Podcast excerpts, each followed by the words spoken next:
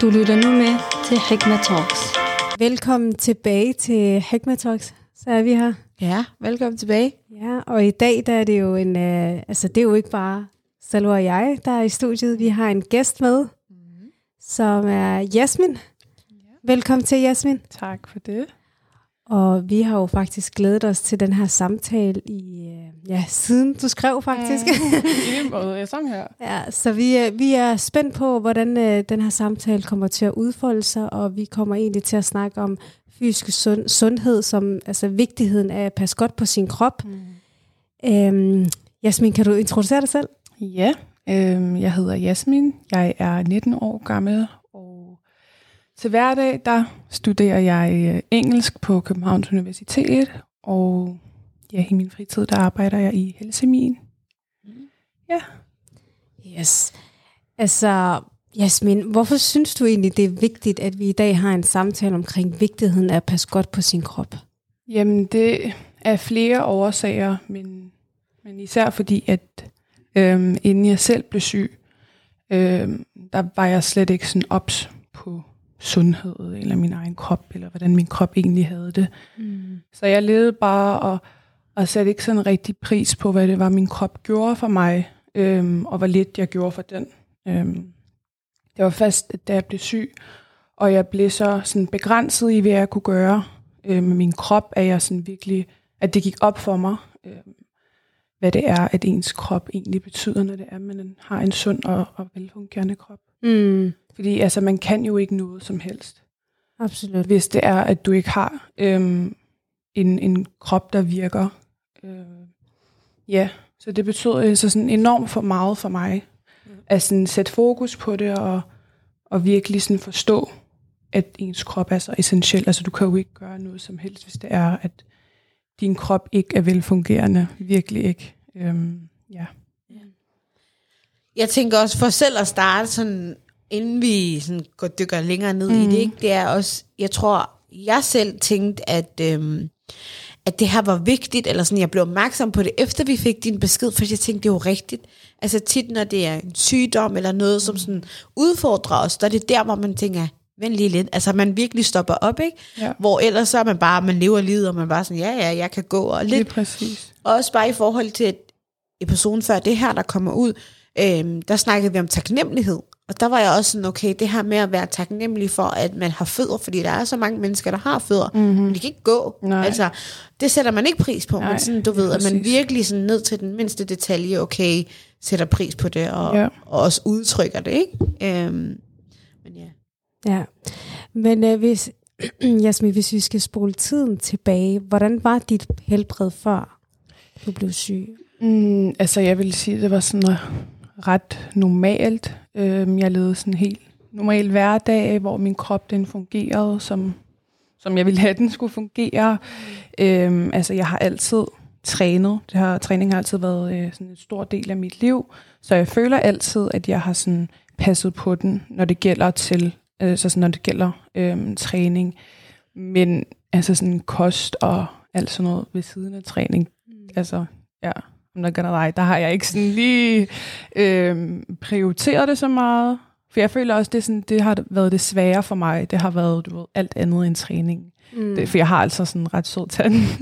så at ændre min kost og ændre, du ved, alt det jeg indtager, det har været så svært for mig. Øhm, men jeg føler, at efter jeg har været syg og været igennem det, jeg har været igennem, så, altså, så er det det, der har ændret alt for mig. Mm. Øhm, ikke fordi jeg er perfekt på nogen måde, og altså, jeg struggler stadig med det big time. Øhm, men jeg, har, jeg ser det bare fra sådan et andet, sådan en anden synsvinkel. Jeg tænker på, at øh, nu siger du, at du var syg. Altså helt specifikt, hvad var det, sådan, hvis man skal sætte title på? Øh, lymfekræft, Okay. øh, og hvis man skal være endnu mere fancy, så Hodgkins lymfom. Okay, hvorhen i kroppen ligger det? Jeg er ikke så... Så, øh, øh, det ligger i lymfesystemerne, øh, og jeg havde det i stadie 2, så jeg havde det øh, på min hals, okay. og øh, nu kan jeg altså sådan et eller andet sted ved lungerne, jeg kan ikke lige huske, hvad det hedder. Okay, okay. Mm. Ja, øh, Ja. ja det, så, så havde jeg sådan nogle lymfeknuder på halsen. Øh, ja, og så havde jeg så en tumor i, øh, lige ved lungen. Okay. Øh, ja, det var Og sådan hvornår der, hvor- startede, altså hvornår fandt du ud af, okay, det er det her? Øhm, altså, det startede sådan helt tilbage første lockdown, da jeg gik i 2G. Øhm, og der fik jeg, der begyndte jeg faktisk at tabe mig enormt meget. Og altså på det tidspunkt, så synes jeg ikke, det var et problem selv, for jeg har altid været så selvkritisk med hensyn til min krop, så jeg har ikke, jeg, sådan, jeg gav det ikke sådan en betydning. Øhm, og så lige pludselig så begyndte der øhm, at vokse en, øh, en knude på øh, venstre side af min hals, og det begyndte bare at vokse og vokse, og i takt med, at den voksede, så tabte jeg mig bare endnu mere. Øhm, og jeg viste den til mine forældre, og min far var sådan, jamen, måske har du haft lidt ondt i halsen, eller din krop har reageret på et eller andet. Mm. Men jeg gav det slet ikke nogen tanke. Altså, det var ikke fordi, at, at jeg var sådan nervøs på noget som helst tidspunkt. Øhm, og så gik jeg så videre med det til lægen, da den jeg godt kunne se, okay, nu begynder det at gøre lidt ondt, den begynder at blive lidt øm. Øhm, og så kigger han på den, han, han rører den lidt for at se, hvordan, hvordan den er. Øhm, og så er han ved at sende mig hjem, og så er han sådan, ved du hvad, jeg tror altså ikke, det er noget. Jeg tror bare, det er din krop, der du måske har været lidt syg, og så derfor så er din lymfeknude bare hævet. Og så inden jeg skulle ud, så sagde han, men altså, vi kan godt lige sende dig videre til sådan en øh, næse, hals, ørelæge, tror jeg. Jeg ved mm. jeg siger det rigtig rækkefølge. Mm. Øhm, og så var jeg sådan, ved du hvad, det kan vi da sagtens. Øhm, og det var faktisk ham, der var sådan, okay, ved du hvad, det her, der, der er altså noget her. Øhm, men fra den periode, hvor jeg blev videresendt til ham lægen, og at jeg så endte på Rigshospitalet, det var sådan nogle ret hårde øh, dage. Ja, min krop lige pludselig, der, der fungerede den bare ikke. Jeg var sådan, jeg vil ikke sige, at jeg var sengeliggende, men altså, jeg brugte meget tid med mine ting. Mm. Øhm, og jeg, altså, til sidst så kom det sådan et punkt, hvor bare det, hvis jeg skulle gå op og gå en lille tur derhjemme, det var sådan hårdt, og jeg var sådan, okay, hvad sker der? Øh, min krop plejer ikke at være sådan. Øh, jeg havde haft i, altså sådan i forvejen problemer med at trække vejret en smule. Øhm, og så blev jeg så sendt til Rigshospitalet, fordi at de, altså den medicin, jeg har fået fra lægen, den ikke virker. Øhm, og når jeg så kommer ind på Rigshospitalet, øhm, så bliver jeg så øh, indlagt, øhm, og de kigger så på den her øhm, knude. Og den første læge, altså der havde jeg faktisk en, en lidt dårlig, øh, hvad hedder sådan experience med hende. Øh, hun kunne ikke sådan rigtig se noget, og Ja, og så fik hun heldigvis sådan en overlæge til at komme og kigge, og hun kunne godt se på den der ultralydsscanning, at det så sådan lidt sort ud. Men altså, også på det tidspunkt, altså, jeg gav det slet ikke nogen betydning. Jeg var bare sådan, Nå, det, altså, hvad det er. Mm. Øhm, og så kommer jeg så, ja, når jeg så bliver indlagt, øhm, så skal jeg så have sådan noget øh, IV, altså sådan, hvad hedder det, antibiotika øhm, gennem min vene, øhm, for at se, om det så hjælper. Øh, det hjælper ikke, efter et par dage, så, er de sådan, så kommer der en læge ind, øhm, og så sidder han og snakker med mig, mig og mine forældre, og så er han sådan, vi bliver nødt til at, at øh, tage en biopsi og se, hvad det er. Øhm, og så kigger han på mig, og så siger han, altså lige meget hvad det er, så er der en behandling for det. Mm. Og når jeg ser tilbage på det, så kan jeg jo godt se, at han nok vidste, at det var, men hvor jeg bare fuldstændig var blind for det.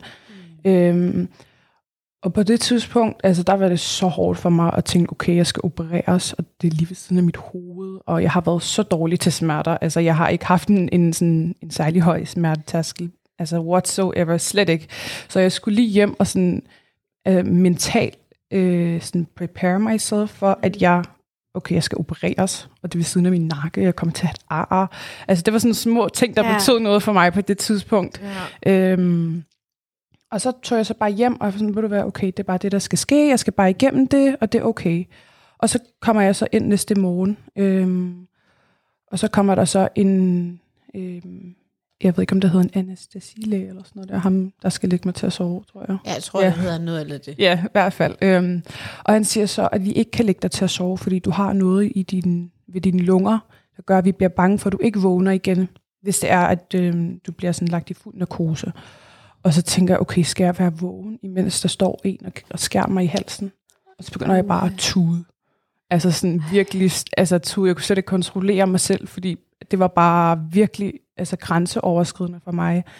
Øhm, men ja, jeg kom over det på en eller anden måde. Altså, de gav mig så mange drugs. Altså, jeg skulle bare ned med det hele, for at, at jeg sådan øh, ikke rigtig var der. Øhm, mm. Så da jeg så kom ind, så kan jeg ikke sådan rigtig huske noget, fordi at, øh, Altså, du var helt væk. Jeg var helt væk. Jeg var helt høj. Jeg var ja. i sådan en helt anden verden. Øhm, men ja, de får så taget en biopsi. Øhm, jeg kommer så hjem, og så får jeg så et opkald nogle dage efter, øhm, og så siger de, at jeg skal komme ind. Øhm, det er sådan opgang 5, og så kommer mine forældre så øhm, sammen med mig. Og så kommer jeg ind i den her afdeling, og jeg kan se, der står kraftafdeling.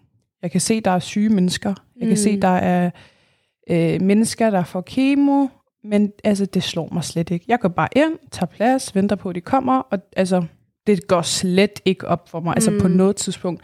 Det eneste tidspunkt før det, hvor jeg tænkte, hmm, kunne det være kraft, det, det var, da det var, jeg skulle skrive til min lærer, jeg ikke kunne dukke op til sådan en øh, mundtlig øh, prøve.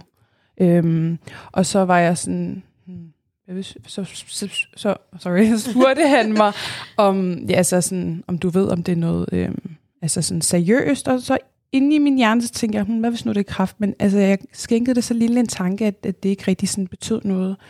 Og det var først, da mig og mine forældre, vi altså sådan satte os ind i det lokale, efter at have ventet på lægen i sådan en time faktisk. Ja.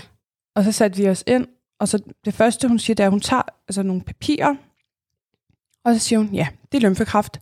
Og så begynder hun bare at snakke og snakke og snakke og snakke og snakke og snakke, og jeg bare sådan, wait, hold up, hvad? Det, Og jeg kan se mine forældre, jeg kan se mine far, og jeg var bare sådan, wow, altså jeg har aldrig set mine forældre på den måde. Øhm, og hun begynder bare at snakke, og der er to andre læger ved siden af hende, og de snakker, og de giver os papirer, og, og jeg kan ikke huske altså et eneste ord af, hvad der blev sagt. Jeg kan kun huske, at hun sådan lagde den der bombe, og altså seriøst gav mine forældre sådan verbal flad. Øhm, fordi de var bare sådan helt, altså de var Hvor blæst vi væk. lige trække vejret og lige høre, hvad er det, der foregår. Ja, lige præcis. Og, og det var som om, jeg slet ikke fik noget tid til sådan lige, og okay, lige en pause. Jeg skal lige forstå, okay, hvad sker der? Altså, når det er, folk hører kraft, især hvis det er, du ikke har haft nogen, som du kender, som har haft kraft, så associerer vi det jo tit med døden. Præcis. Øhm, så det er nok noget af det første, det går op, der går op for mine forældre. Øhm, og, og jeg kan bare se min far, altså, han begynder bare at græde og kigge på mig, som om, altså, ja, det var virkelig, altså, det var nok noget af det hårdeste, det var at se mine forældres reaktion. Og jeg tænkte ikke engang selv, altså jeg kunne ikke tænke så meget selv. Det eneste, jeg tænkte på, det var selve ordet kraft. Jeg kunne ikke tænke sådan i fremtiden, jeg kunne ikke tænke på noget, fordi at jeg vidste ikke, hvad det var, jeg gik ind til. Mm. Øhm, og jeg vidste ikke, okay, hvad betyder det her for mit liv? Så jeg, jeg sad bare der og tænkte kraft. Og så gik hende lægen ud, fordi hun skulle lige hente nogle flere papirer. Og så kom hun tilbage, og så kunne hun se, at vi alle sammen sidder og tårer i øjnene, så hun sådan, ja... Og så går hun bare videre med at snakke. Og jeg er bare sådan, øh, når jeg tænker tilbage, altså, så er det mest, altså, Umenneskeligt jo. lige det præcis måde at, at sige det på, og videregive ja. sådan en, altså, ja. Men ja, det var så den dag, at jeg så fandt at vide, eller fik at vide, øhm, at jeg havde kræft. Øhm, og ja, de forklarede så meget om ens behandling og alt sådan noget, og jeg var bare helt forvirret, så jeg forstod slet ikke noget, hvad det var, de sagde. Øhm, vi kom så hjem, og der var ikke så mange, der sagde noget. Øhm, ja, vi, stod, vi sad bare i stuen og kiggede på hinanden alle sammen. Øhm, vi vidste ikke, hvad vi skulle gøre. Mm. Det var først, da min storebror kom hjem, øhm, så, så var det som om, at han løsnede sådan lidt stemningen op. Han var sådan, okay, så nu tager vi den for, hvor, hvor vi står lige nu, og ser, øhm, hvad der er, der kommer til at ske. Øhm, du fortsætter bare dit liv så godt, som du kan, altså sådan helt normalt. Øhm, og så gør vi bare det og det og det. Og så, ja, han løsnede sådan lidt stemningen, så, så jeg begyndte at gå ind på Google selvfølgelig, Ja. og google frem og tilbage, og ja, og så altså fra den dag, så, ja, så blev jeg kaldt ind to dage efter, for jeg skulle have sat sådan en øhm, sådan CVK ind på min arm. Det er der, jeg skulle have kemo, så det er sådan en, øh, ligesom øhm, sådan, sådan en tube eller rør, der går ind til sådan ens hjerte, Ja. så kemoen kan komme ind.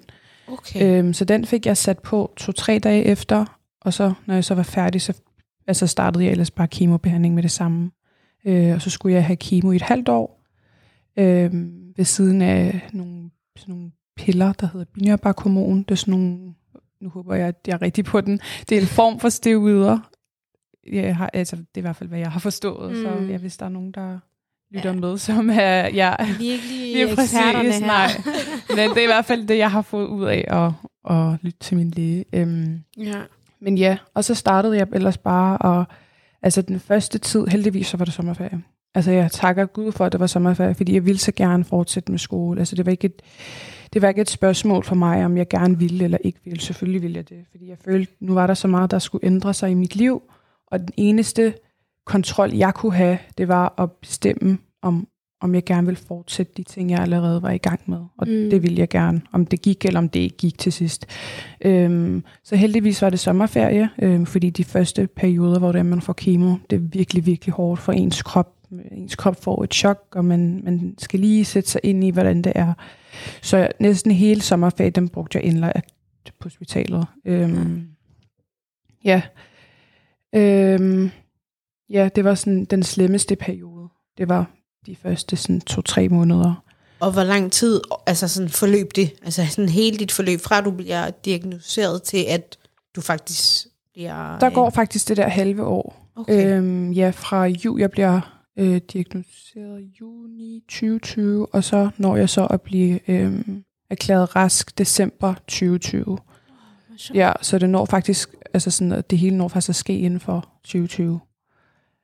Ja, Hold op. ja, selvom at det føles altså så meget mere, så nåede jeg at starte og blive færdig med min behandling og rask inden for 2020. Mm. Ja, Det er faktisk lidt Det er vildt at tænke på. Jeg hører jo, folk er længere i, altså, i sådan en sygdomsforløb. Altså af hvad jeg har hørt sådan af ja andre. jamen, det er det jo er jo kræft det. er jo så stort Ja. altså, og udbredt, at det og det var også derfor, jeg var så taknemmelig for, at det kun var et, eller kun og kun, men altså, at det var et halvt år, fordi jeg har fået så mange venner på hospitalet, som, som skal have kemo i fire år, som skal have kemo i fem år. Øhm, og jeg var bare sådan, okay, jeg skal have det i seks måneder, og jeg synes, det var, altså, jeg har aldrig prøvet noget lignende.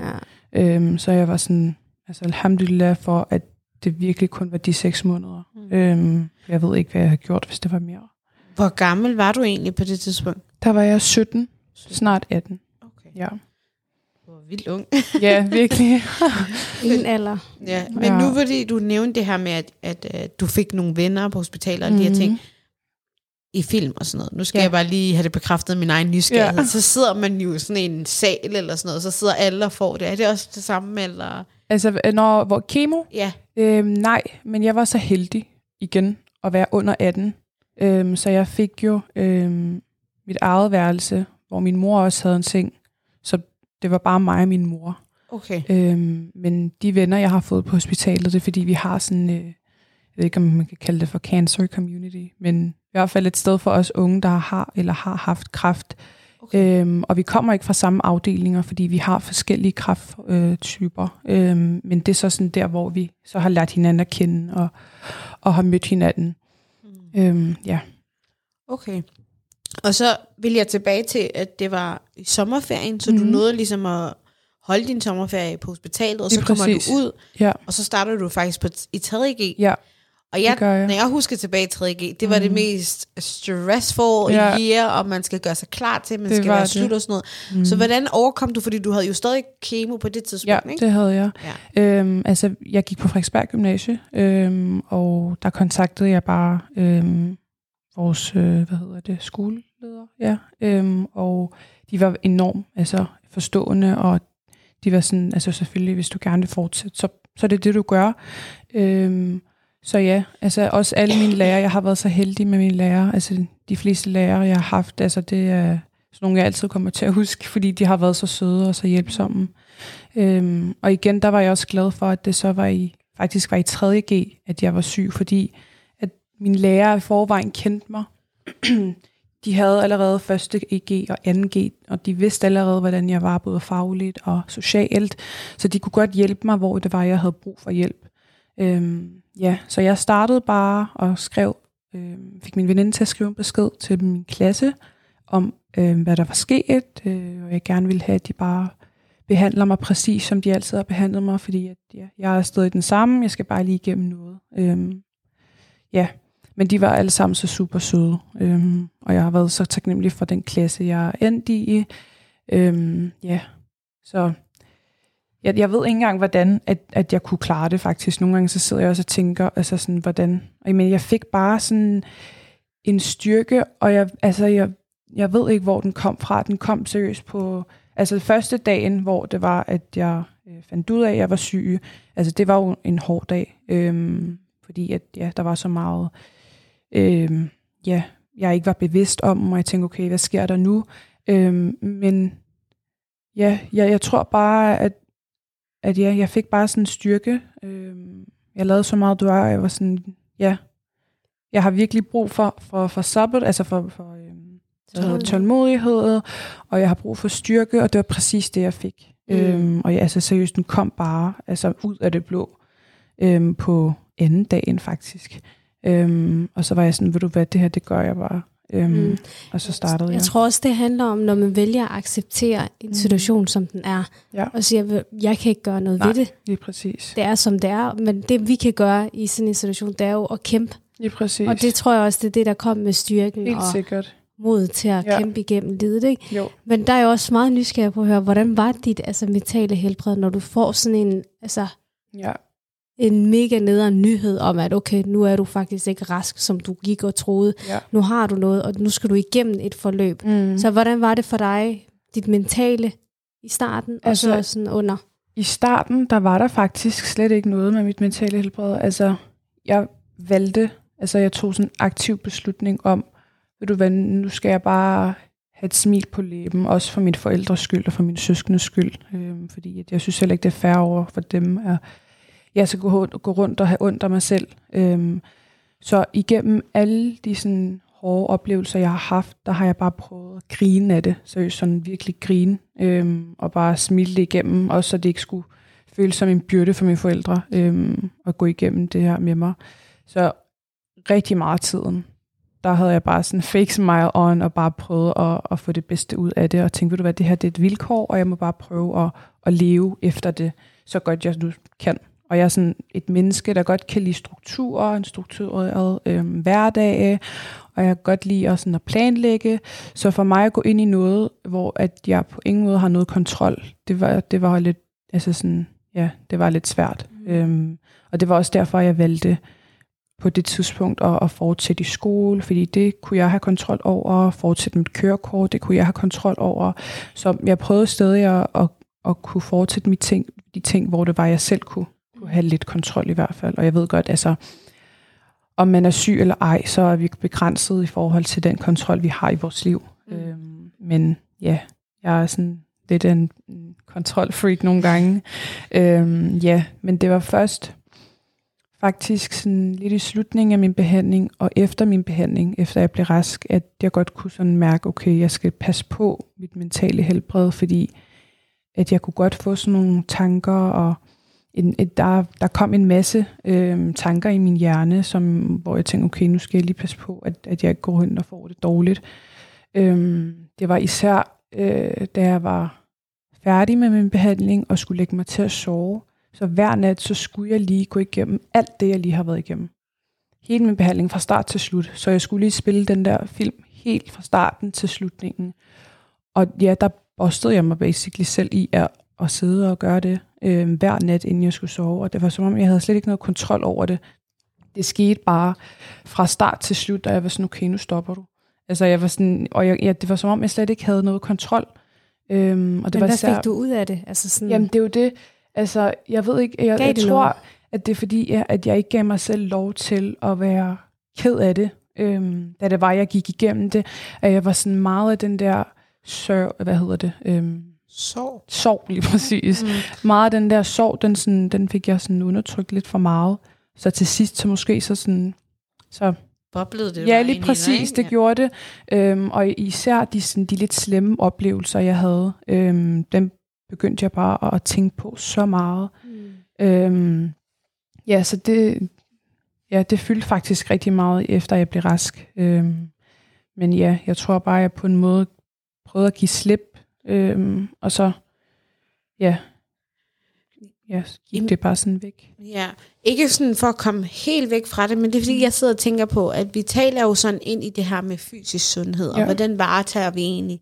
Men da du bliver syg, ikke, Mm. hvordan påvirker det dig sådan helt fysisk? Altså er det sådan noget, du kan ikke, øh, du kan ikke øh, løfte noget? Altså det er mm. bare virkelig for sådan at selv også kunne visually, eller sådan se det for mig, Ja. øh, agtigt. Jamen altså, faktisk så var det alt. Altså jeg kunne, altså i perioder kunne jeg ikke gå, der skulle jeg sidde i kørestol.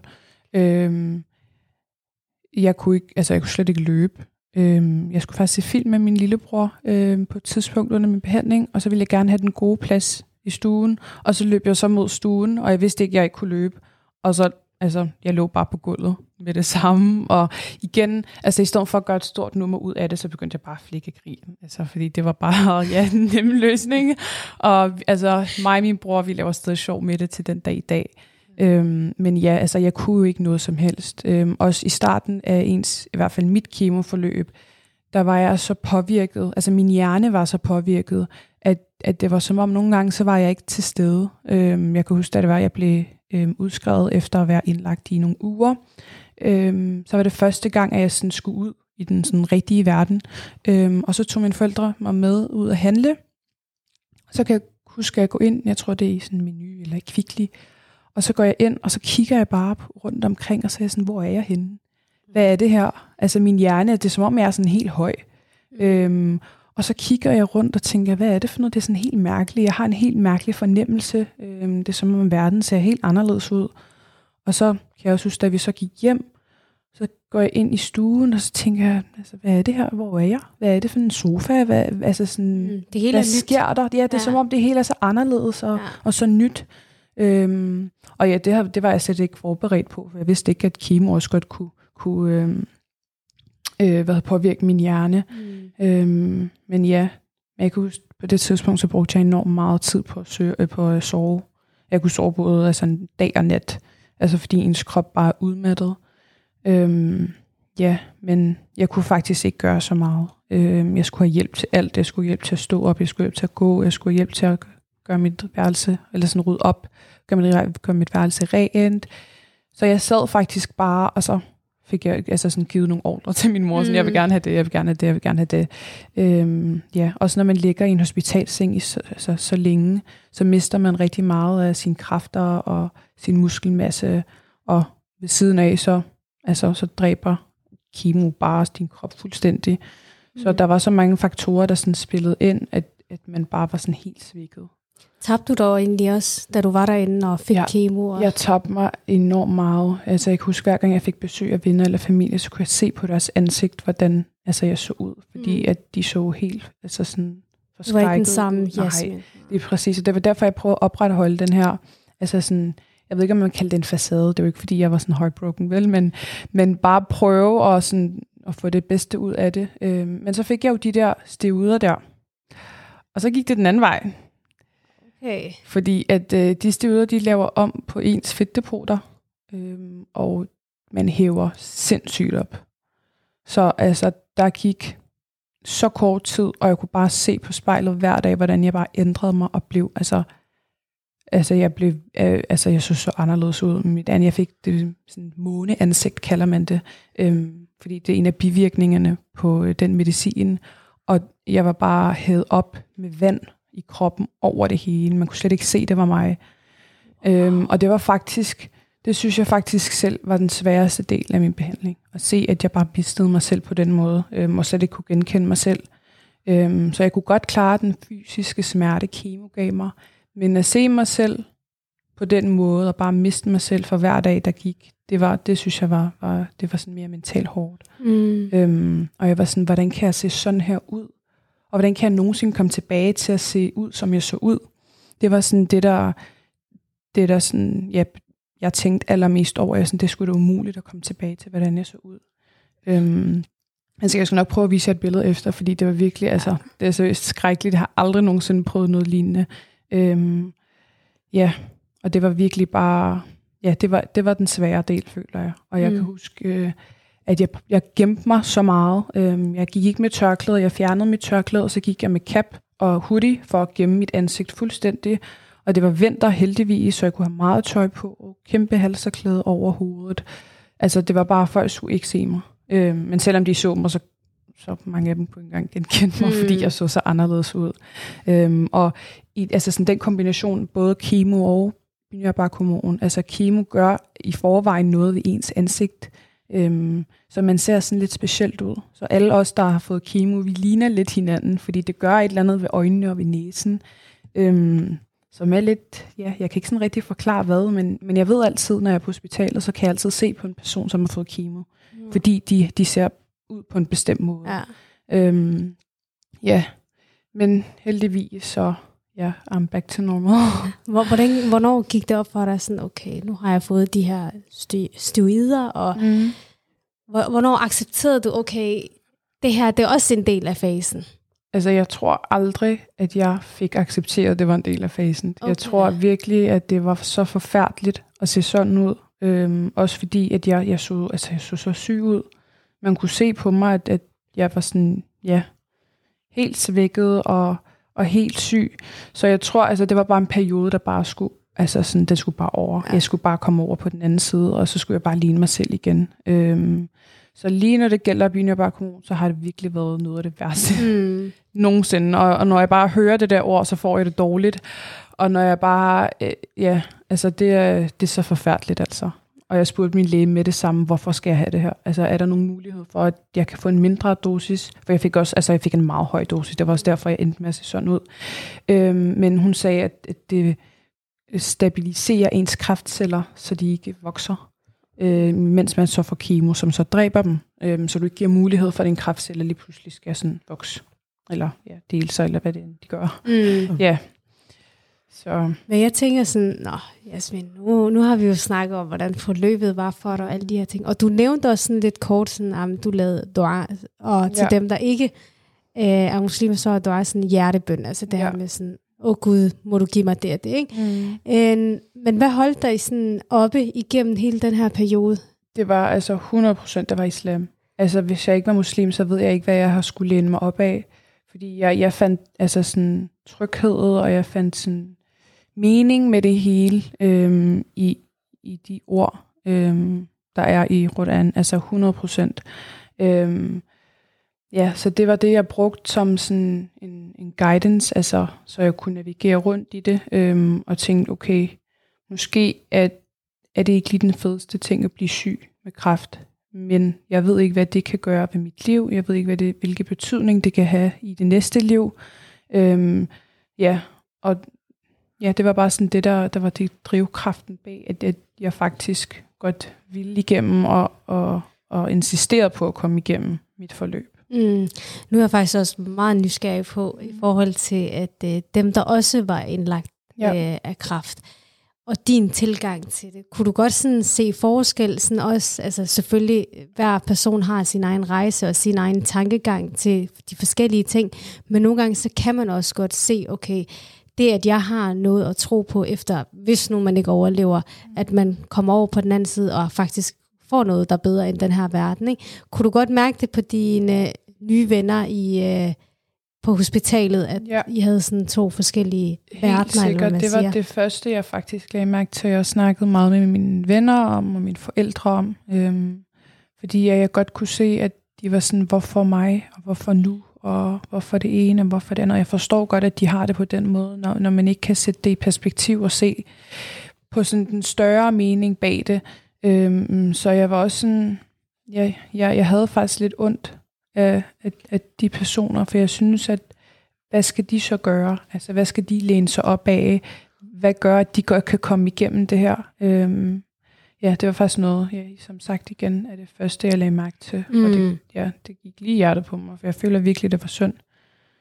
Det er også noget om at selv at være taknemmelig for. Ja, wow, altså, Det er præcis. det er en test, jeg har fået, og endnu en test er, jeg, eller endnu bedre, jeg kan klare den her test, er, at jeg har troen på en skaber. Mm. Og øh, flere undersøgelser viser også, at mennesker, som faktisk går igennem en svær periode i livet, har, klarer det bedre, når de mm. tror på noget spirituelt. Ja, Jamen, det giver også mening, fordi det var virkelig, altså, altså hvis det ikke har været for, for islam, så ved jeg ikke engang, hvilke tanker jeg har haft i mit hoved. Mm. Og der er mange, der har spurgt mig, altså, var du bange for at dø, eller altså, hvordan er døden nogensinde kommet sådan i, i sådan dine tanker og så videre, og, og jeg har altid været sådan, altså, selvfølgelig har jeg da tænkt over det, men om jeg tænker over det, eller giver det en betydning eller ej, så kan man jo altid dø. Altså, det er jo ikke fordi, at bare fordi jeg får kraft, okay, så dør jeg i morgen. Jeg kan altid dø i morgen. Præcis. Altså, det er altid en mulighed. Øhm, så ja, så det var ikke sådan, ja, noget, jeg rigtig gav nogen betydning. Altså, Mm. ja, mere i hvert fald, end, end, øhm, end jeg ville gøre normalt. Det tror jeg bare os, der ikke har viden eller har stået i en situation, hvor vi har kraft, vi tænker jo sådan, okay, nå, så fik hun kraft hjem, hvorfor er hun ikke død endnu? Altså Ja, det er sådan, præcis. man forbinder det bare med, Det at det er noget, virkelig. det er en sjældenhed, at folk bliver rask. Ja. Og så tænker jeg så sådan, okay, der er jo ikke forskel på mig og hende. Ja, det er jo lige det. Forskellen er, at hun har en sygdom. Ja. Jeg er sund og rask. Jamen, det er det. Altså, folk lever så mange år. Sorry. Folk lever så mange år med kræft, og alligevel så overlever de, øh, og bare lever med det generelt. Hvor at, at der kan være helt sunde og raske mennesker, der kan komme ud for en ulykke, der kan ske alt muligt, som så tager deres liv.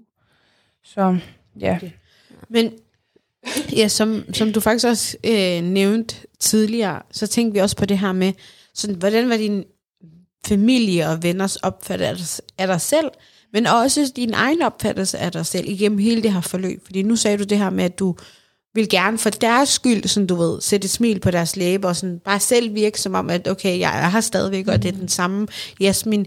Men sådan, hvordan var det? Gik de sådan og passede på dig, eller sådan, hvordan var det? Øhm, altså hvis vi starter med mine veninder, øhm, altså så de tog meget godt imod det. Øhm, jeg er heldig med mine veninder. Øh, jeg er så taknemmelig for dem, øh, og de var der for mig 100%. Og jeg kan huske, der var corona på det tidspunkt, og hvis der er noget, jeg ikke måtte få, så er det corona, fordi jeg ikke havde noget immunforsvar, der kunne, der kunne beskytte mig. Øh, så da jeg gik i skole, øhm, der kan jeg altid huske, de sådan, hver gang der kom nogen hen for at hilse, så var det sådan, du kan ikke røre hende, du kan ikke hilse på hende, du kan ikke kramme hende. Så det var rigtig gode til at sætte sig ind i det, øhm, og hvis det var, jeg kunne være irriteret over, at jeg ikke kunne det ene og det andet, og brokkede mig lidt over det, øhm, så er de sådan, altså du skal huske på, at du har fået kemo, og, og du skal give lov til, altså sådan give dig selv lov til at, at, at slappe af, og du har været igennem så meget, det er okay. Øhm, jeg kan godt være lidt hård på med mig selv nogle gange, og sætte sådan lidt for høj standard nogle gange. Øhm, så der føler jeg virkelig, at de har været der for mig enormt meget. Øhm, men jeg har faktisk ikke spurgt dem endnu, øhm, hvordan det egentlig har været for dem, øh, at en i deres sådan, omgangskreds har, har fået kræft. Øhm, ja, det har jeg tænkt over flere gange, men jeg har ikke lige fået det gjort.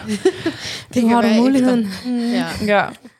Og hvad i forhold til din familie, altså, du nævnte kort, at det var også svært for dem at Ja. acceptere det. Og, Helt sikkert. Øhm, ja, men altså, jeg tror bare, at det har været det har været så hårdt, og især, altså min mor har jo været indlagt med mig alle de gange, jeg har været på hospitalet, og øhm, især en episode, hvor at det næsten skulle til at virkelig at gå galt. Øhm, der var både min mor og far, øhm, og jeg kan huske, øhm, at jeg blev altså sådan virkelig, at de skyndede sig ind med mig på hospitalet, øhm, fordi jeg var besvimet derhjemme og havde enorm høj feber.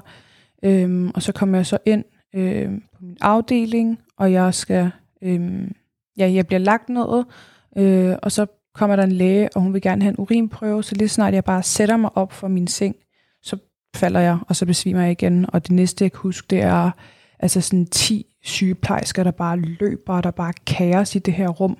De kommer alle sammen, omringer mig, og, og den ene prøver at få kontakt til mig, og, og, få, og prøver at vække mig igen, øhm, og gøre mig bevidst, hvor de andre bare, altså, jeg skal bare have så meget væske ind som muligt, så de står, den ene står og skriver ned, hvor meget væske jeg får, og så står der lidt bare en kø af kvinder, der prøver at skiftes, fordi at jeg skal have så meget væske ned i kroppen som muligt.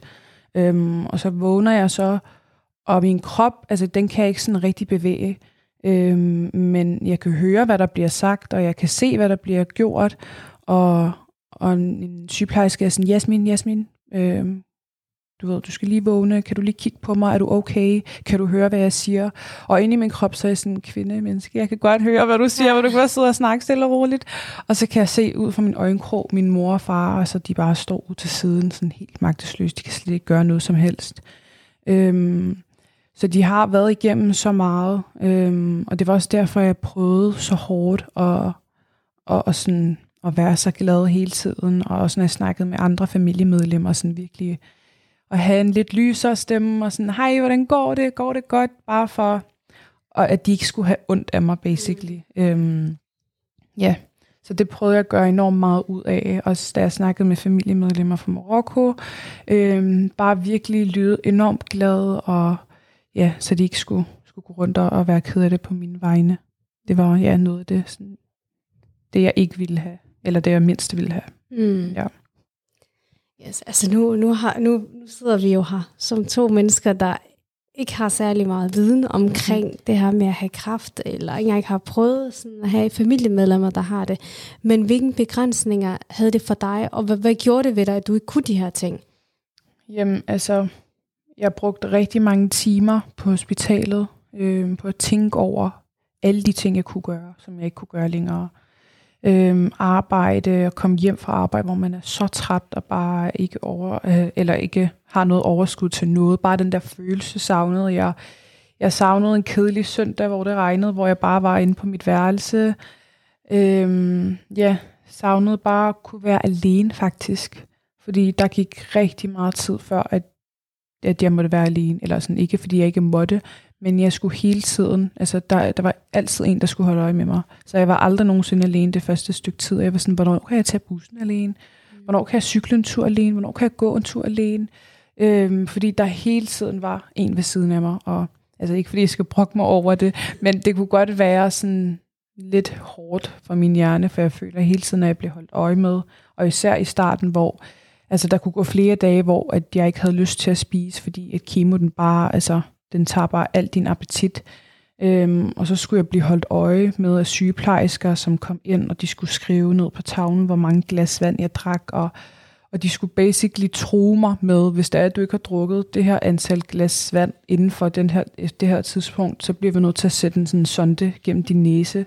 Og det var sådan det, det sidste, jeg havde lyst til. Mm. Så jeg blev virkelig holdt øje med. Min mor var sådan lidt striks med, med hvad jeg skulle indtage af mad, øhm, fordi det skulle være sund mad, det skulle ikke være sukker, jeg skulle ikke fodre de der kraftceller. Så ja, der var hele tiden øjne på mig. Øhm, mm. det kunne godt være lidt, lidt hårdt, øhm, nu når jeg tænker tilbage på det. Jeg kan godt lige have en sådan pause, hvor jeg lige trækker vejret lidt. Men for mig giver det også sådan stof til eftertanke, at man er, altså som os, der er på den her side, som ikke har haft en sygdom, det her med, man, man tager sådan nogle ting for givet, det her, man kan gå Det tur. gør man virkelig. Man kan cykle en tur, Ja. uden at der er nogen, der skal holde øje, eller uden at du er sådan, åh, hvad nu hvis jeg falder om, eller hvad nu hvis jeg ikke kan trække vejret. Ja. Det er også sådan et, et af de ting, jeg tænker på, wow, vi har så mange muligheder, men hvem siger, at vi egentlig har den mulighed i så lang tid? Ja, Også at sætte pris på det. ja, lige præcis. Ja, det gik virkelig op for mig, da den der episode skete, at jeg virkelig, altså, jeg følte virkelig, at jeg var mellem liv og død. Altså, fordi jeg var virkelig, altså, hvis det var, jeg ikke var på hospitalet på det tidspunkt, og, og der ikke var, altså, de ressourcer, de sygeplejersker, så ved jeg ikke, om jeg havde klaret den, fordi det var så slemt. Så det gik virkelig op for mig, hvad man går rundt og sådan tager for givet, og de, de, sådan, de små ting, der faktisk betyder så meget. Mm. Selvom det lyder sådan ret kliché. Jamen, det lyder så kliché, Ja. men det er det. Ja, altså, det, det er, virkelig, Ja. det er vanvittigt. Men Jasmin, jeg er så nysgerrig på at høre, hvordan reagerede du, da du fik at vide, at du var erklæret rask? Jamen, altså, dagene op til, der kunne jeg, altså jeg kunne ikke vente mere. Jeg kunne ikke sove om natten. Jeg var sådan, hvornår ringer hun? For jeg havde bare aftalt med min læge, at hun bare skal ringe, i stedet for at vi skal komme derover og så snakke. Øhm, og jeg gik ind på min sundhed, øh, den der app der, og jeg genstartede den, og genstartede den, og altså sådan, der kom bare ikke noget op, der dukkede ikke noget op, øhm, og jeg kunne ikke sove om natten, og jeg var sådan, hvornår ringer hun? Og så kommer der noget op på min, øhm, øh, på min sundhed, øhm, og så kunne jeg se, at de så har øh, kigget på min scanning, og det er jo bare rent læsprog. Altså det er, altså det er for fagligt til, hvad jeg overhovedet kan forstå, hvad der står. Så for mig, ja, lige præcis. Så for mig, så læser jeg et eller andet med rest, et eller andet lymfom eller et eller andet. Så jeg tænker, okay, så er det jo ikke væk, Nej. hvis Ja. der er stadig er rest. Og, og, og jeg er bare sådan, Nå, okay, too bad. og ja, hvad hedder det, jeg sender den videre til min øh, fars øh, vens kone, som er et eller andet inden for, jeg ved ikke, om hun er sygeplejerske eller et eller andet. Og hun kigger så i sine bøger og kan se, okay, at der er jeg rask. Men alligevel så er jeg sådan, vi kan jo ikke vide det med sikkerhed. Så jeg ringer altså ind til min afdeling flere gange, og sådan, hvornår kan jeg få fat på den her læge? Øhm, og så får jeg heldigvis et opkald. Og så var hun Hvor sådan, lang tid gik der fra, du ringede selv, til de selv ringer? Øh, to dage måske, eller Sygt en nok. dag, ja. ja. Øhm, men så ringer hun tilbage, og jeg, sådan, jeg, jeg sagde bare, altså jeg beklager, at jeg ringer, men jeg kan altså ikke leve videre på den her måde. Jeg kan ikke sove om natten, jeg kan ikke tænke på andet. Og jeg kan godt mærke på mig selv, altså der var jeg desperat. Altså nu har jeg holdt ud i, i de seks måneder, og jeg følte, at det gik okay. Øh, men til sidst så var jeg sådan, nu, skal jeg bare have svar. Jeg kan ikke mere. Jeg kan ikke bare leve uden, uden det her svar. Ja, ja, i Øhm, jeg kunne ikke vente, ja lige præcis, jeg kunne ikke vente et minut mere. Og så var hun sådan, jamen øh, sorry, det var min far, jeg fik ikke lige kontaktet dig. Jamen bare rolig, du er helt øh, rask. Du er erklæret øh, kraftfri. Øhm, og så svarede jeg sådan, jamen hvad betyder det her, der står? Øhm, og så var hun bare sådan, det har noget med at gøre, at ens lymfeknuder øh, er på en bestemt måde, efter man har haft lymfekræft eller et eller andet. Øh, Nå. men ja, at jeg er rask. Og hvordan havde du det så? Jamen, altså, jeg tænkte bare, alhamdulillah. Jeg tænkte, nu, nu skal jeg bare have, øh, hvad hedder det, øhm, altså nu skal jeg bare ligne mig selv igen. Det var sådan det første, okay, så er jeg sådan done. Og jeg vidste ikke, hvordan jeg skulle leve mit liv. Hvad skulle jeg så gøre nu? Fordi nu er, nu er jeg færdig. Ja. Ja. Nu skal jeg ikke have mere kemo. Nu skal jeg bare prøve at leve et normalt liv. Fordi at i starten, så kan jeg huske, så glemte jeg hele tiden, jeg var syg. Så var jeg sådan, nå jo, jo, jeg er syg, jeg kan ikke gøre det her. Eller nå jo, ja, det er jo rigtigt, jeg er jo syg. Jeg glemte hele tiden, at jeg var syg. Og da jeg så var færdig med min behandling og rask, så glemte jeg hele tiden, at jeg var rask. Og så skulle jeg også lige sætte mig ind i, okay, nu er jeg altså rask. Nu skal jeg ikke altså sådan, komme op med alle de her undskyldninger for mig selv. Selvom at, jo, det kan godt være, at jeg var rask fra kraft, men min krop var jo stadig meget syg. Mm. Øhm, men ja, så skulle jeg til at finde mig selv igen, og det der ja, med at finde en selv, altså det lyder jo igen ret kliché, men jeg føler bare, fordi inden jeg blev syg, der var jeg jo 17, og der føler jeg, at jeg, jeg var i sådan et ret, ret godt sted i mit liv, og øhm, havde fundet sådan mig selv, hvis man kan sige det sådan, og lige pludselig, så skal du igennem så meget, Øh, altså virkelig sådan rollercoaster, virkelig. Øh, og når jeg så var færdig, så tænkte jeg, okay, nu skal jeg starte forfra. Nu føler jeg sådan, jeg er 14 år igen, hvem er jeg overhovedet? Hvad kan jeg, hvad kan jeg altså sådan få ud af, af, af min behandling? Hvad kan jeg få ud af det her kapitel i mit liv? Hvem skal jeg være? Hvad skal jeg, altså sådan... Ja, så jeg var faktisk ret forvirret øh, i starten, og jeg var sådan, jeg skulle lige finde, finde rundt i den her kæmpe verden igen, fordi jeg følte, at jeg havde brugt så meget tid alene, og det var enormt svært for mig at være social, øhm, fordi jeg synes, det var så uoverskueligt. Øhm, jeg havde intet social overskud, altså whatsoever, slet ikke. Jeg kunne huske, hver gang jeg skulle ud med venner, så var det så hårdt, da jeg kom hjem, og så, så sov jeg i flere timer, fordi det var så hårdt for mig. Øhm, Mm. og ja, og jeg, jeg tog i skole, øh, og jeg kan huske faktisk, der kom faktisk en til lockdown, øh, eller to mere, jeg kan ikke lige huske, hvor mange. Øh, men det hjalp mig over, eller det gjorde over også, at, at jeg jo var meget hjemme, øh, og ikke sådan, gik så meget ud, og jeg var heller ikke glad for at gå ud, fordi at jeg så ud på den måde. Så jeg havde ikke så meget, altså sådan, jeg havde ikke sådan rigtig et problem med bare at være hjemme, men ja, jeg skulle finde ud af, hvad skulle der ske nu? Hvordan skal jeg starte min hverdag? Hvordan skal jeg skabe den her hverdag igen, som jeg gerne vil have den? Men som, altså sådan, hvor den ikke ligner, hvad den har været. Mm. Øhm, fordi at i starten af min behandling, så tænkte jeg, okay, nu skal jeg i behandling, det er et halvt år, når jeg er færdig, så skal jeg bare altså sådan, tage den, hvor jeg slap, inden jeg blev syg. Men ret hurtigt, så fandt jeg ud af, ved du hvad, der er intet, der kommer til at være det samme igen. Øh, jeg skal starte fra scratch, og jeg skal, jeg ved ikke, om man kan blive en ny person, men, men der er så meget, der er sket i mit liv, at, at jeg er bevidst om så mange ting, at jeg nok ikke kommer til at blive den helt sammen Ja. øhm, på, på mange parametre. Så jeg var sådan, nu skal jeg lige finde ud af det igen. Men ja, jeg tog det bare, som det kom, og så gik det meget godt alligevel. Kunne du mærke en ændring hos dine venner egentlig i forhold til, at nu var du rask og kunne flere ting, end hvad du kunne før? Og sådan- Jamen, øh, altså på hvilke måder tænker jeg du? tænker sådan lidt, er der nogle venner, der er faldet fra? Faktisk ikke. Nej, okay. Nej, men jeg har også bare, altså jeg har altid holdt fast i sådan min, en lille vennekreds. Ja. Øhm, så jeg har, så der er faktisk ikke rigtig sådan nogen, der er faldet fra, som har været helt tætte. Mm. Øhm, ja, de er, de er her stadig i dag. Ja. Men jeg sidder og tænker over, når man, er, når man bliver kraftfri, Mm. og så er det slutagtigt, er der så slet ikke noget, hvor du skal tage nogle piller efterfølgende, eller er man sådan, we out of this? Nå, men, øh, altså, jeg har været så heldig igen, øh, at øh, jeg skulle tage piller efter min kemobehandling mm, en måneds tid, så skulle jeg bare trappe af af dem. Så jeg skulle ikke bare fra den ene dag til den anden dag stoppe med dem, jeg skulle bare tage færre og færre, så, så min krop lige skulle vende sig til, at den ikke skulle have den medicin. Ellers så, øh, Jo, altså jeg tager stadig mange piller i dag, men det er bare sådan kosttilskud, vitaminer og alt sådan noget, Mm. fordi at min krop jo stadig er enormt svag. Øhm, og så skal jeg så være i det, der hedder sådan kontrolforløb i fem år, hvor jeg så kommer ind og får taget sådan ultralydsscanning af alle sådan lymfe, øh, jeg ved ikke, om man kalder det lymferegioner i kroppen, mm. og så skal jeg have taget øh, røntgenbillede af mine lunger. Og det skal jeg så i fem år. Og efter de fem år, så Så er du virkelig så out of it. Out of it. Og det kan godt være lidt angstprovokerende, fordi at jeg tænker, okay, hvad hvis nu det så skulle komme tilbage efter de fem år, så giver jeg det jo bare sådan frit løb til at vokse så meget, som det kan, uden, ja. uden jeg måske lægger mærke til det igen. Øhm, ja, så jeg tror, at måske kommer man altid til at leve med, med den der lille Frygt. frygt. Jeg lige præcis især mine forældre. Altså, hvis der bare er et eller andet, så bliver de enormt bekymrede, og bare sådan, du skal til lægen med det samme, og min mor skriver det ned, så jeg husker at tage det op med min læge næste gang, jeg er til kontrol. Så jeg tror bare, at de altid kommer til at leve i sådan en, ja, en frygt. Ja. Sådan, hvad hvis nu? Og jeg ved godt, at altså, man siger jo, at chancen for, at du får tilbagefald er størst, eller sådan er højst, inden for de, de, øh, de to år efter behandling. Ja. Øh, men ja, alt kan jo ske. Det var Øh, faktisk også ja. lidt det, jeg tænkte, du ved, konsekvenserne af det efterfølgende nu, Mm. kunne for eksempel øh, være det, men er der sådan nogle andre ting, hvor du har tænkt, okay, det har ligesom fået en bivirkning af, at jeg har haft kræft?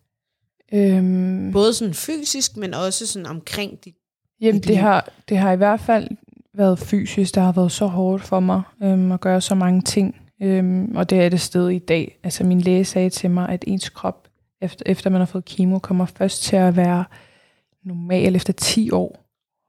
Ja, Wow. og jeg, jeg fik jo altså mange kemobehandlinger. Øhm, jeg fik, jeg tror, det var sådan 35 på et halvt år, hvor jeg har venner, som har fået sådan 8 på fire måneder. Så jeg har virkelig fået sådan en øh, altså sådan en kæmpe mængde kemo. Øhm, så ja, jeg kan jo stadig godt mærke det. Jeg har stadig enormt ondt i mine ben. Og jeg, ja. Men jeg prøver bare at, at, at komme tilbage til sådan den hverdag, jeg gerne vil have. Øhm, og arbejde, selvom det kan være enormt hårdt for mine ben. Men hvis jeg ikke starter nu og vender mig selv til det, så altså kommer jeg altid til at lave undskyldninger for mig selv. Så jeg har bare været sådan, ved du hvad, nu starter jeg bare, og så går jeg bare i gang, og så må jeg bare tage det så godt, som, som jeg kan. Også, øhm, hvad hedder det, min hjerne. Altså, den har været sådan enormt hæmmet, hvad hedder det, da jeg var under øh, kemobehandling, så havde jeg enormt svært ved at snakke. Jeg havde enormt svært ved at læse. Øh, jeg skulle læse øh, sådan en sætning flere gange, før jeg overhovedet forstod, hvad der stod. Jeg kunne huske, da jeg sad og skrev SRP, altså, det var så hårdt. Jeg begyndte at græde, og altså, det var virkelig, øh, altså, det var tough. Og det gjorde du under øh, dit forløb? Ja, Hvor er du sej. Altså, jeg skulle skrive SAP, og jeg havde ikke noget, og jeg...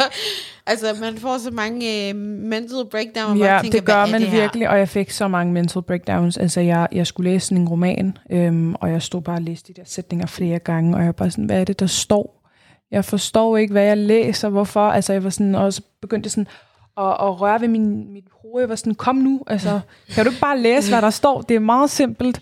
Og det vidste jeg jo slet ikke. Jeg vidste ikke, at, at det kunne være øh, sådan en bivirkning af kemo. Det, Nej. det havde jeg slet ikke tænkt over. Så jeg, jeg var sådan lidt, altså jeg var altså lidt dum. Altså min hjerne var lidt dum i, i okay lang tid. Jeg kunne ikke tænke logisk faktisk. Øh, ja, du kunne sige, hvad er 2 plus 2? Og så var jeg sådan, øh, well, 3 måske.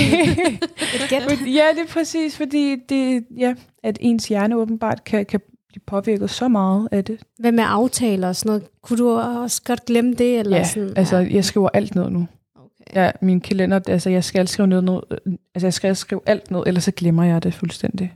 Ja, det skal jeg lige øve Men hvor er du også. sej. Ja, altså, tak. det skal jeg lige... Altså, at man kan skrive SAP igennem sådan et forløb. Det var også virkelig. Sikke en styrke. Ja, det var, ja. Det var også noget af en omgang, vil jeg sige. Men ja, igen, jeg har sådan nogle søde lærere, der hjalp mig øh, enormt meget. Øh, ja. Det er vildt. Men øh, jeg tænker, det, det var virkelig øh, godt at høre din historie. Jeg tror også bare, det er sådan... Så jeg tænker på mig selv, og jeg tænker, wow, der er så mange ting, man sådan kigger Ja. ned på, og bare sådan, ej, mit liv er ødelagt på Ja, en lille præcis. ting. Ikke? Og, når, og jeg synes bare, når jeg hører din historie, så tænker jeg, wow, get it together, ikke? Altså, Ja. du...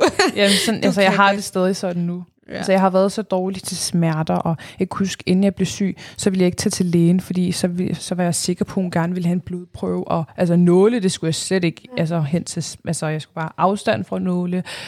Men da jeg kom i behandling, så skulle jeg stikkes hver dag. Altså, det, det var, bare... ja, det er præcis. Så, men ja, jeg måtte bare tage det. Tage så må jeg bare blive smerten i mig, lige præcis. Ja. ja.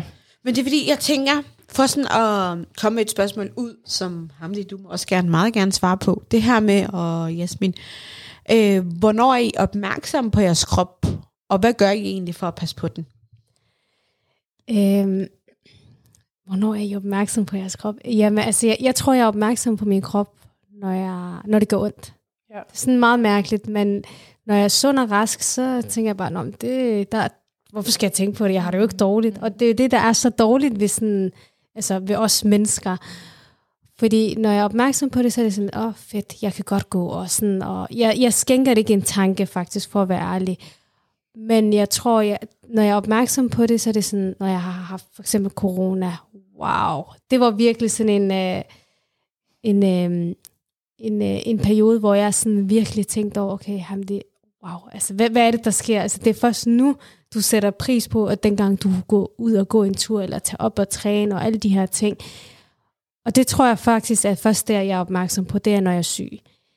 Øhm, og så, hvad gør I for at passe på jeres krop? Altså, jeg træner, og øh, er lige begyndt med sådan en kostvejleder og sådan. Så, så jeg, jeg gør mit, fordi jeg har det også sådan lidt, jo ældre man bliver, jo mere bliver ens krop svækket, eller så bliver den mere stærk. Og så tænker jeg så, jeg vil hellere have den stærke krop, mm. end den svækkede krop. Og igen, som muslimer, så, er, så har vores krop en rettighed over for os. Og det er at passe godt på den. Så jeg tror også, jo ældre jeg er blevet, så er jeg blevet mere bevidst om, at jeg skal tage vare om min krop. Ja. Så det vil egentlig være mit svar. Ja, jeg skulle også lige til at sige det samme. Når jeg er begrænset, når jeg ikke kan det, som jeg har kunnet, så lægger jeg mærke til, okay, oh, jeg husker um, de perioder, hvor jeg ikke kunne gå, fordi at mine ben, altså det, altså de virkede bare slet ikke. Altså der tænkte jeg, okay, wow, jeg har aldrig nogensinde sådan rigtig sat med og sat pris på, at jeg kunne gå. Mm. Øhm, så det ja, har været sådan en game changer. Det har virkelig åbnet mine øjne for, for alle de ting, som man skal være bevidst om og taknemmelig for. Og ja, bare øh, for mig bare at sidde ned og så bare lige tænke over og sådan reflektere over, hvad det er, øh, Gud har givet en, hvad det er, man har, øh, som mange mennesker vil ønske, at de havde. Øh, ja, det, det gør virkelig en forskel. Ja. Hvad gør du så, sådan rent praktisk? Hvad gør du for at passe på din krop? Øhm, altså, jeg træner, og nu har jeg ikke trænet i sådan to måneder, jeg er så dårlig samvittighed, men øhm, ja, øh, de har haft så travlt skole. Ja. Men ja, generelt, så træner jeg, øhm, og jeg prøver, altså jeg har sådan lavet ret meget om på min kost, og hvad jeg sådan indtager. Og det, min mor synes ikke, det er godt nok endnu. Bare lige så I ved det. Altså, min mor, hun er efter mig, og hun kommer nok til at være efter mig altid. Men øh, mine venner har lagt mærke til det, øh, hvordan jeg sådan ikke, der er noget, nogle ting, jeg ikke sådan rigtig spiser eller drikker, øh, og har lagt mærke til, at jeg har gjort sådan, sådan noget for at ændre det. Øh, men mange af de ting, som jeg plejede at elske, altså sådan, som har været usunde, dem har jeg, altså efter jeg har fået kemo, så har jeg bare ikke kunne spise det. Øhm, også mange af de ting, jeg har spist, når jeg har fået kemo, dem kan jeg bare slet ikke kigge på. Altså, fordi jeg får det så dårligt. Mm. Altså, øh, der, det er sådan lidt forskelligt, men for eksempel, så har jeg været sådan, altså sådan juice elsker. Jeg elskede juice. Altså i dag, der kan jeg slet ikke, altså jeg kan ikke engang tage en tår en juice. Øhm, ja, og jeg tror, det er, fordi jeg har fået drukket så meget juice i min behandling, og der var også en pastaret, øhm, en speciel en fra en eller anden restaurant, som jeg bare elskede. Den fik jeg, da jeg fik kemo. Altså, jeg kan slet ikke kigge på den. Jeg kan ikke engang komme i nærheden af den. Mm. Så er der rigtig mange ting, som jeg har fået under kemobehandlingen, som jeg, altså, som jeg slet ikke skal komme i nærheden af. En, en smoothie, hvis den bare er rød, så skal jeg bare væk. Altså, jeg kan Minder den om blod, eller hvordan? Nej, men det er bare det er fordi, at øh, min øh, kusine fik lavet øh, sådan en, øh, en juice til mig, der var rubeder i, og alt sådan noget bær, og, altså, som er godt for immunforsvaret. Ja. ja, lige præcis. Og min mor sad, altså vi sad på hospitalet, hun tvang mig til at drikke den, jeg havde ikke noget valg. Ja. Og altså, ja, og jeg kom bare ned med den, jeg kunne bare huske, at jeg skulle til at kaste op. Altså, og det var bare den følelse, jeg har, jeg får igen, når jeg ser det. Ja, også når det er sådan juice, der er lavet ud af alle mulige grøntsager. altså, det kan jeg bare ikke. Altså, jeg får det jo altså, jeg får det fysisk dårligt. Men jeg synes Ja. også, at indvandrermødre, wow, de giver liv. Altså også Det bare, gør hvis man, virkelig. Sådan, "Ej, du skal spise det her, det Ja. her. Og man tænker mig, det kan jeg ikke, Nej. mor. Jo, du skal. Ja. Så det er virkelig, Og i starten, altså min mor sad ved siden af mig, og hun var sådan, nu drikker du det her, og ja, hold da op. Hun var, ja, hun gik all in, ja, og det gør hun stadig, men jeg føler, hun er blevet lidt mere loose. Ja. Men altså, når hun så ser, at jeg måske har spist lidt for meget usundt, så altså, hun sådan, Jasmin, altså, du skal lige passe på, jeg har lagt mærke til, at øh, jeg har holdt øje med dig. så Jeg ja, tror, jeg det præcis. Nej, det har hun altså sørme ikke. Det har hun ikke, det skal jeg ikke gå rundt og tro. Øhm, ja, så hun har altså været meget efter mig. Ja. Hvad med dig, Selva?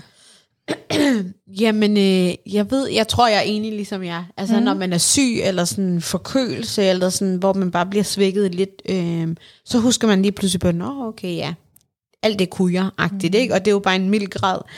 Men jeg tror også, at jeg blev opmærksom på det, fordi jeg har altid sådan lidt haft et ambivalent forhold til min krop. Mm. Øhm, og jeg tror, det skyldes rigtig meget udefra. Altså, jeg tror aldrig, jeg har haft en relation til det, du ved. Man er bare vokset, man er bare blevet ældre og sådan noget. Øhm, og så har jeg altid sådan fået påpeget, du ved, det her, det er den korrekte krop, eller sådan, det er det her, man øh, gør for at være sund, eller sådan labet af alle mulige andre mennesker, og jeg var bare sådan, nå okay, jamen det er så fint. Og jeg tror, min stedighed kiggede ind, og så var jeg sådan, ved du hvad, jeg gør præcis det modsatte. Øhm, men jeg vidste jo også godt, at i sidste ende, så havde det kun en konsekvens for mig selv. Øhm, så jeg tror, i min teenageår, jeg ved ikke lige, hvad det er, men helt præcis, men der blev jeg sådan virkelig opmærksom på det.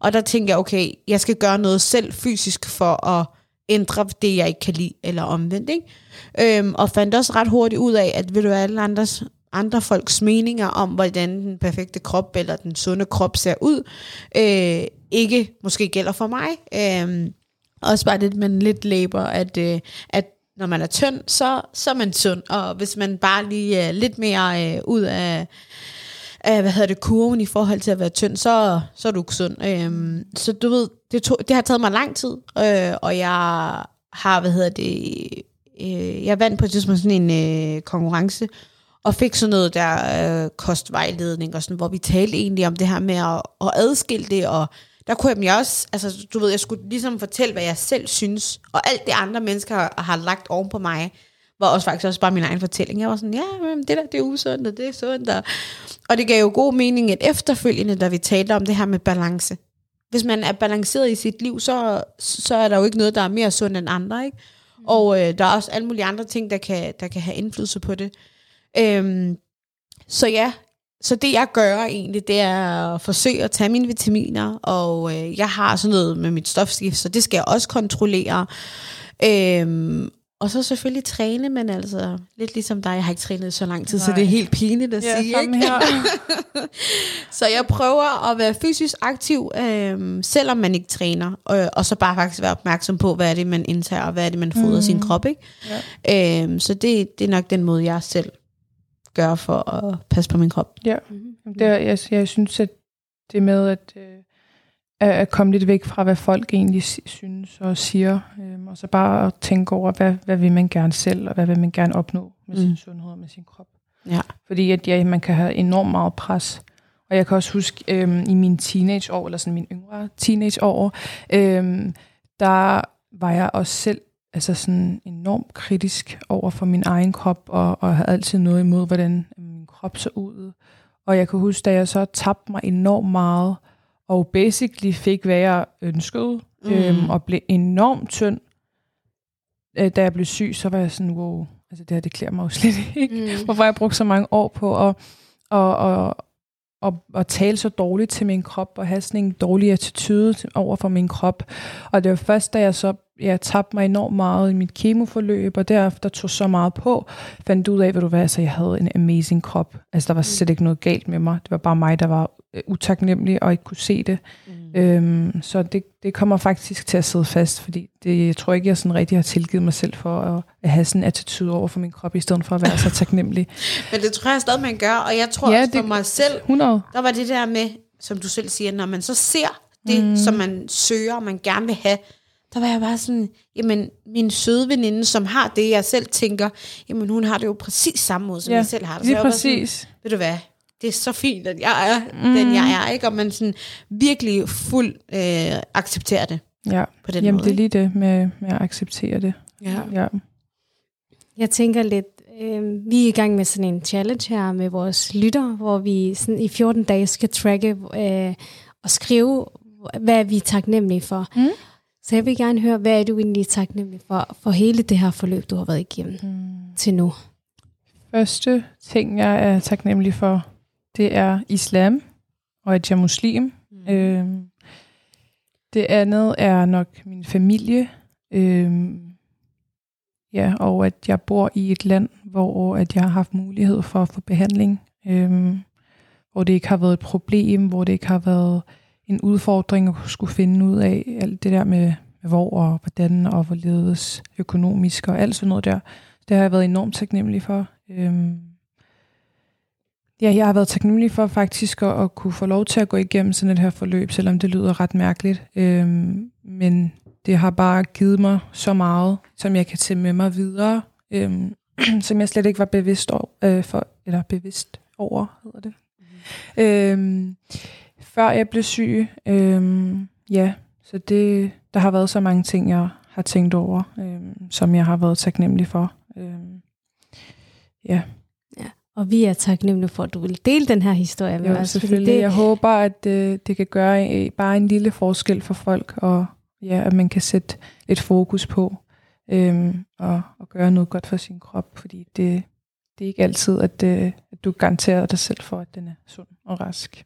Absolut. Mm. Er der noget, du vil slutte af med, inden vi lige... Øh...